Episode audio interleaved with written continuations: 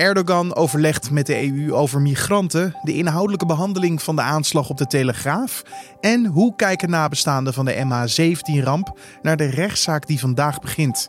Je hoort het, genoeg te bespreken. Dit wordt het nieuws. Je hebt nabestaanden die uh, zijn gelukkig in staat geweest om, uh, om verder te gaan met hun leven. Er zijn ook nabestaanden die zitten nog midden in het hele rauwe rauwe verdriet en, en, uh, en boosheid. Het proces van de MH17-ramp gaat vandaag van start in een speciale rechtbank bij Schiphol.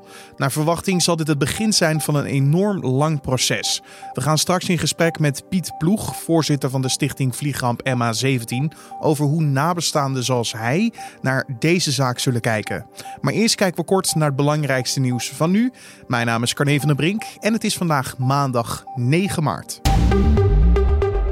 De prijs van olie is maandag met 30% gedaald nadat Saoedi-Arabië de olieproductie omhoog en de olieprijs omlaag heeft gedaan vanwege een conflict met Rusland.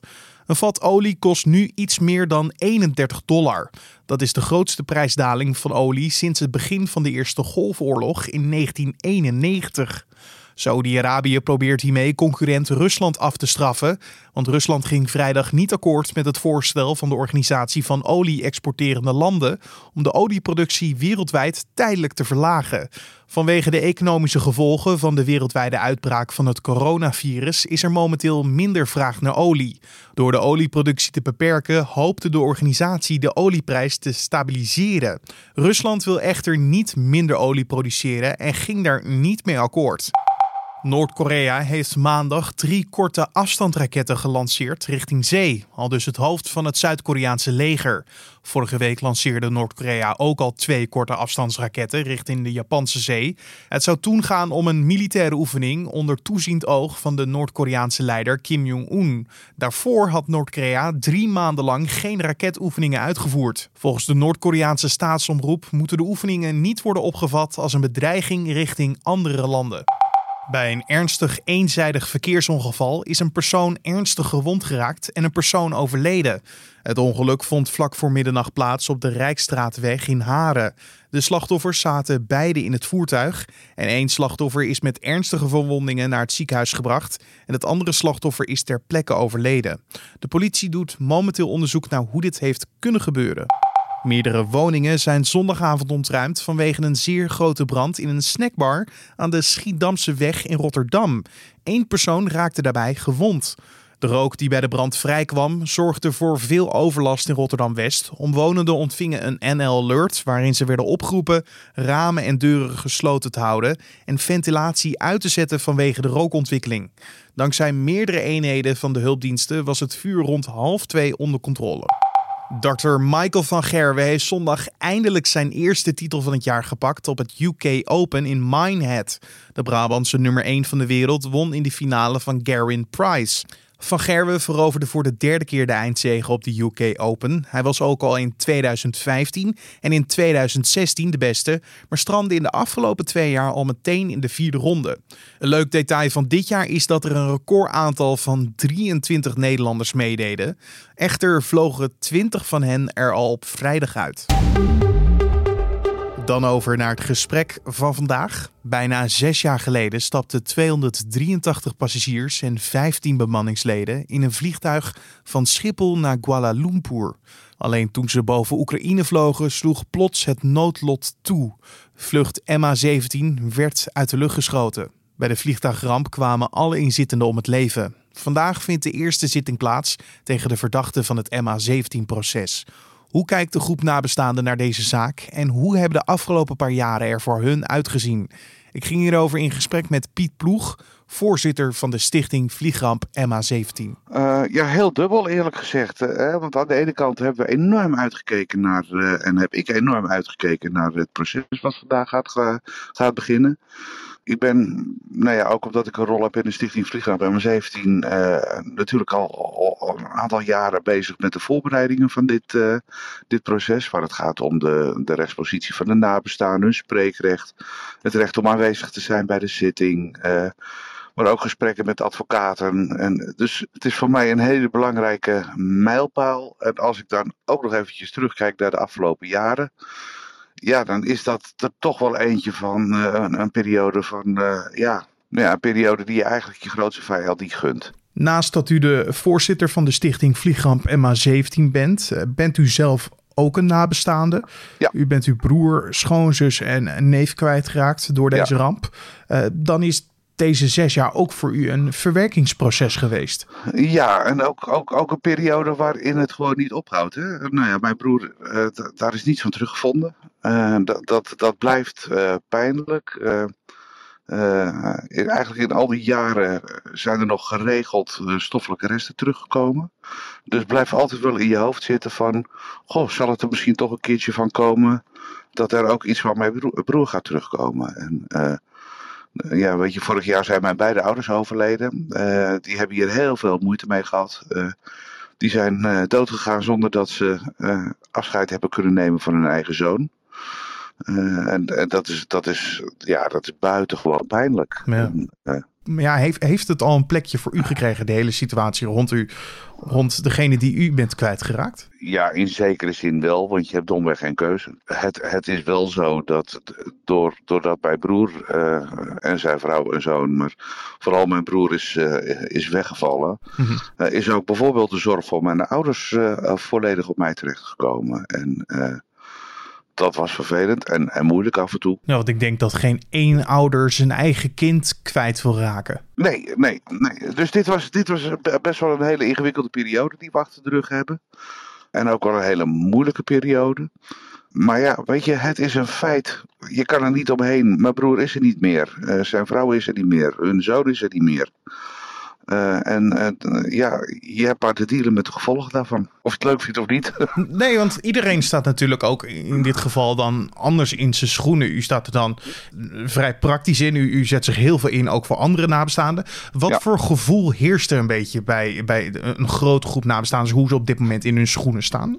Kan u dat peilen? Nou, dat is ongelooflijk divers. Hè? Want je moet bedenken, die, die, die groep nabestaanden... Je hebt bestaat uit duizenden mensen uit binnen- en buitenland. Je hebt nabestaanden die uh, zijn gelukkig in staat geweest om, uh, om verder te gaan met hun leven. Er zijn ook nabestaanden die zitten nog midden in het hele rauwe, rauwe verdriet en, en, uh, en boosheid. Het is ongeveer alles wat daartussen zit. Dus je kan niet zeggen van, hé, hey, de groep nabestaanden zit in fase 3, whatever it may be, bij wijze van spreken het is heel erg verschillend. En, ja. uh, maar het is wel zo dat uh, deze rechtszaak, en hoe, hoe, belangrijk die ook is, hè, want we willen natuurlijk weten wat er allemaal precies gebeurd is, trekt het ook wel weer wonden open. Het brengt dus altijd weer terug naar het moment van toen. En het is natuurlijk ook een tijd geweest van veel onduidelijkheid. Of het ooit ja, tot een rechtszaak zou komen. Um, in eerste instantie was het idee dat er een VN-rechtbank erover zou oordelen. Het is nu een Nederlandse rechtbank geworden, omdat Rusland hier een stokje voor stak voor het eerste idee. Um, hoe kijkt u naar de rol van Rusland en de houding rond het hele proces en ook de afgelopen zes jaar? Ja, die is verwerpelijk, ronduit verwerpelijk. Uh, kijk, weet je, aan de ene kant hadden wij het, het volste vertrouwen dat het op enig moment een keer tot een, uh, tot een rechtszaak zou komen. Rusland, en dat hebben we natuurlijk ook gezien, die heeft vanaf het begin heeft die geprobeerd om, uh, om dit tegen te houden, om met alternatieve theorieën te komen, om informatie weg te houden, om getuigen weg te, houden, eh, weg te houden. En tot op de dag van vandaag ontkennen ze elke betrokkenheid en, en, en plegen ze in feite obstructie. Dat is buitengewoon pijnlijk voor ons, voor ons als nabestaanden. Maar het is natuurlijk ook gewoon lastig voor het, uh, voor, voor het strafproces. Uh, maar ja, weet je, het Joint Investigation Team die heeft zich er niet door laten afleiden. Die is gewoon stoïcijns doorgegaan. En nou ja, dat heeft er nu toe geleid dat de eerste vier verdachten terecht, uh, terecht gaan staan. Ja, want er zijn nu vier verdachten in beeld rond dit proces. Uh, hoe kijkt u naar deze verdachten? Zijn dit degene waar het om draait? Of is dit alleen uh, het topje van de ijsberg? Nou, dit zijn de middelmen natuurlijk. Hè? Wij willen natuurlijk iedereen in beeld hebben. zowel de mensen die het boeksysteem hebben bediend en, en de knop hebben ingedrukt, bij wijze van spreken. Maar we willen ook weten wie heeft uiteindelijk de opdracht gegeven. Wie is, wie is eindverantwoordelijk voor het beschikbaar stellen van het boeksysteem en daarmee dus in feite ook het, het, het neerhalen van vlucht MH17.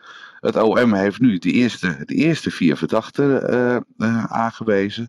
Het onderzoek gaat nog steeds door, dus dat zal in de toekomst leiden tot uh, steeds weer nieuwe processen. Als er weer nieuwe verdachten worden aangewezen en aangeklaagd, komt, komt, er weer een nieuw proces. En dat gaat zowel omlaag in de hiërarchie als omhoog. Mm. Uh, we hebben een tijdje geleden heeft het OM wat tapgesprekken laten horen, onder andere met een hoge Russische official in het Kremlin. Een naaste adviseur van Poetin. die bleek toch ook al op de hoogte te zijn van het transport van, van het boekraketsysteem. Uh, dus dit gaat tot, tot, tot in de hoge regionen van het Kremlin toe. U bent vandaag aanwezig bij de zitting. Ik kan me zo voorstellen dat u heel graag de verdachte in de ogen wil kijken of wil zien hoe ze reageren op bepaalde details van de ramp.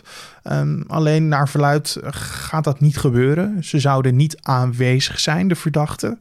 Hoe frustrerend vindt u dat dat ze nou, mogelijk niet aanwezig zullen zijn? Nou ja, hier hebben we natuurlijk altijd al rekening mee gehouden. Kijk, Rusland, grondwettelijk. Uh, uh, uh, mag Rusland zijn onderdanen niet uitleveren. Uh, trouwens, Oekraïne ook niet. Maar dit geldt voor ongelooflijk veel landen. Die, die leveren hun onderdanen niet uit. Uh, je, mag, je, ja, je kan niet verwachten dat, dat die verdachten zich persoonlijk melden. dus ja, weet je hoe, of we het nou vervelend vinden of niet, het is een realiteit dat die verdachten niet voor het hekje komen te staan. Maar dat neemt niet weg dat het recht wel zijn beloop kan krijgen, want uh, bekend zal worden wat er is gebeurd, wie verantwoordelijk is geweest, wat de rol van Rusland is geweest. Uh, uh, en, en uiteindelijk zal de onafhankelijke Nederlandse rechtbank vaststellen uh, wie verantwoordelijk is geweest. En uh, misschien is dat toch wel het belangrijkste. Dat wij het weten en dat de wereld het weet. Het maakt niet uit wat je leest over deze rechtszaak of over dit proces. Overal staat dat het een lang en slepend geheel gaat worden. En het is echt nog maar de vraag of het ooit tot een veroordeling gaat komen. U zei net al, het is alsof een wond weer open gaat. Hoe gaat u dan naar dit hele proces kijken? Ja, tegelijkertijd hebben we natuurlijk nog, nog steeds heel veel vragen. Hè, zoals ik net al zei, van wat is er nou precies gebeurd? Waarom is het gebeurd? Uh, wie heeft nou welke rol gehad? Het zijn wel dingen die wij weten. Het, het zijn allemaal feiten die, uh, die er in de tijd toe hebben geleid dat, dat een vliegtuig met onze familieleden is neergeschoten. en ik denk dat het voor ons heel erg belangrijk is om in ieder geval te weten wat er, wat er gebeurd is. En ja, de keerzijde daarvan is dat dat tot hele confronterende situaties kan gaan leiden. Waarin mm informatie beschikbaar komt of openbaar wordt. Die heel pijnlijk kan zijn uh, voor nabestaanden. Maar het alternatief is het niet weten. En dat is, en dat is een slecht alternatief. Maar zijn de vragen die de komende jaren dan gesteld gaan worden belangrijker dan de uiteindelijke antwoorden? Nou ja, het zou natuurlijk wel heel erg fijn zijn als, het, als blijkt dat het Openbaar Ministerie zijn bewijsvoering zodanig goed op orde heeft, dat het ook daadwerkelijk leidt tot een uh, veroordeling.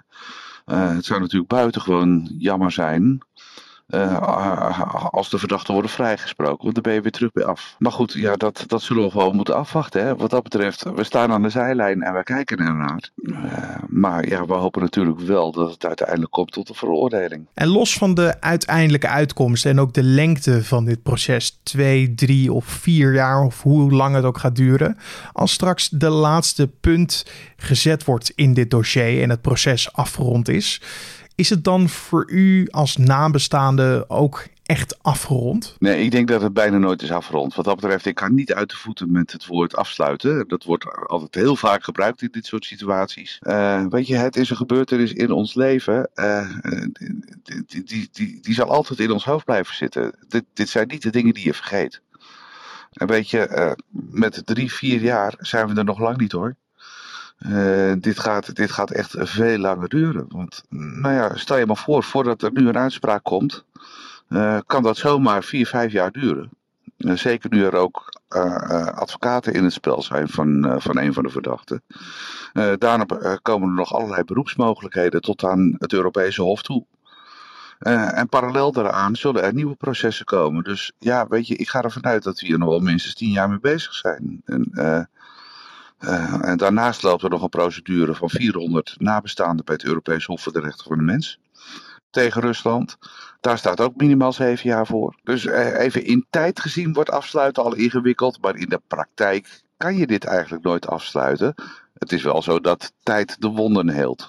Bedoel, de tijd is wel onze bondgenoot. Je hoorde de voorzitter van de stichting Vliegramp MA17, Piet Ploeg. In de beschrijving van deze podcast vind je ook nog wat andere stukken die mijn collega's hebben gemaakt over het MA17-proces. Zoals een reconstructie van die noodlottige dag en hoe Rusland naar deze zaak kijkt.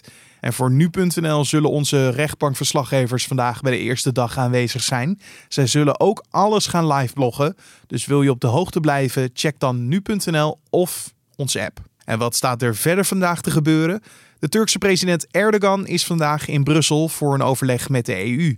Volgens de Duitse krant Die Welt gaat het gesprek onder meer over de migratieproblemen aan de Turkse-Griekse grens.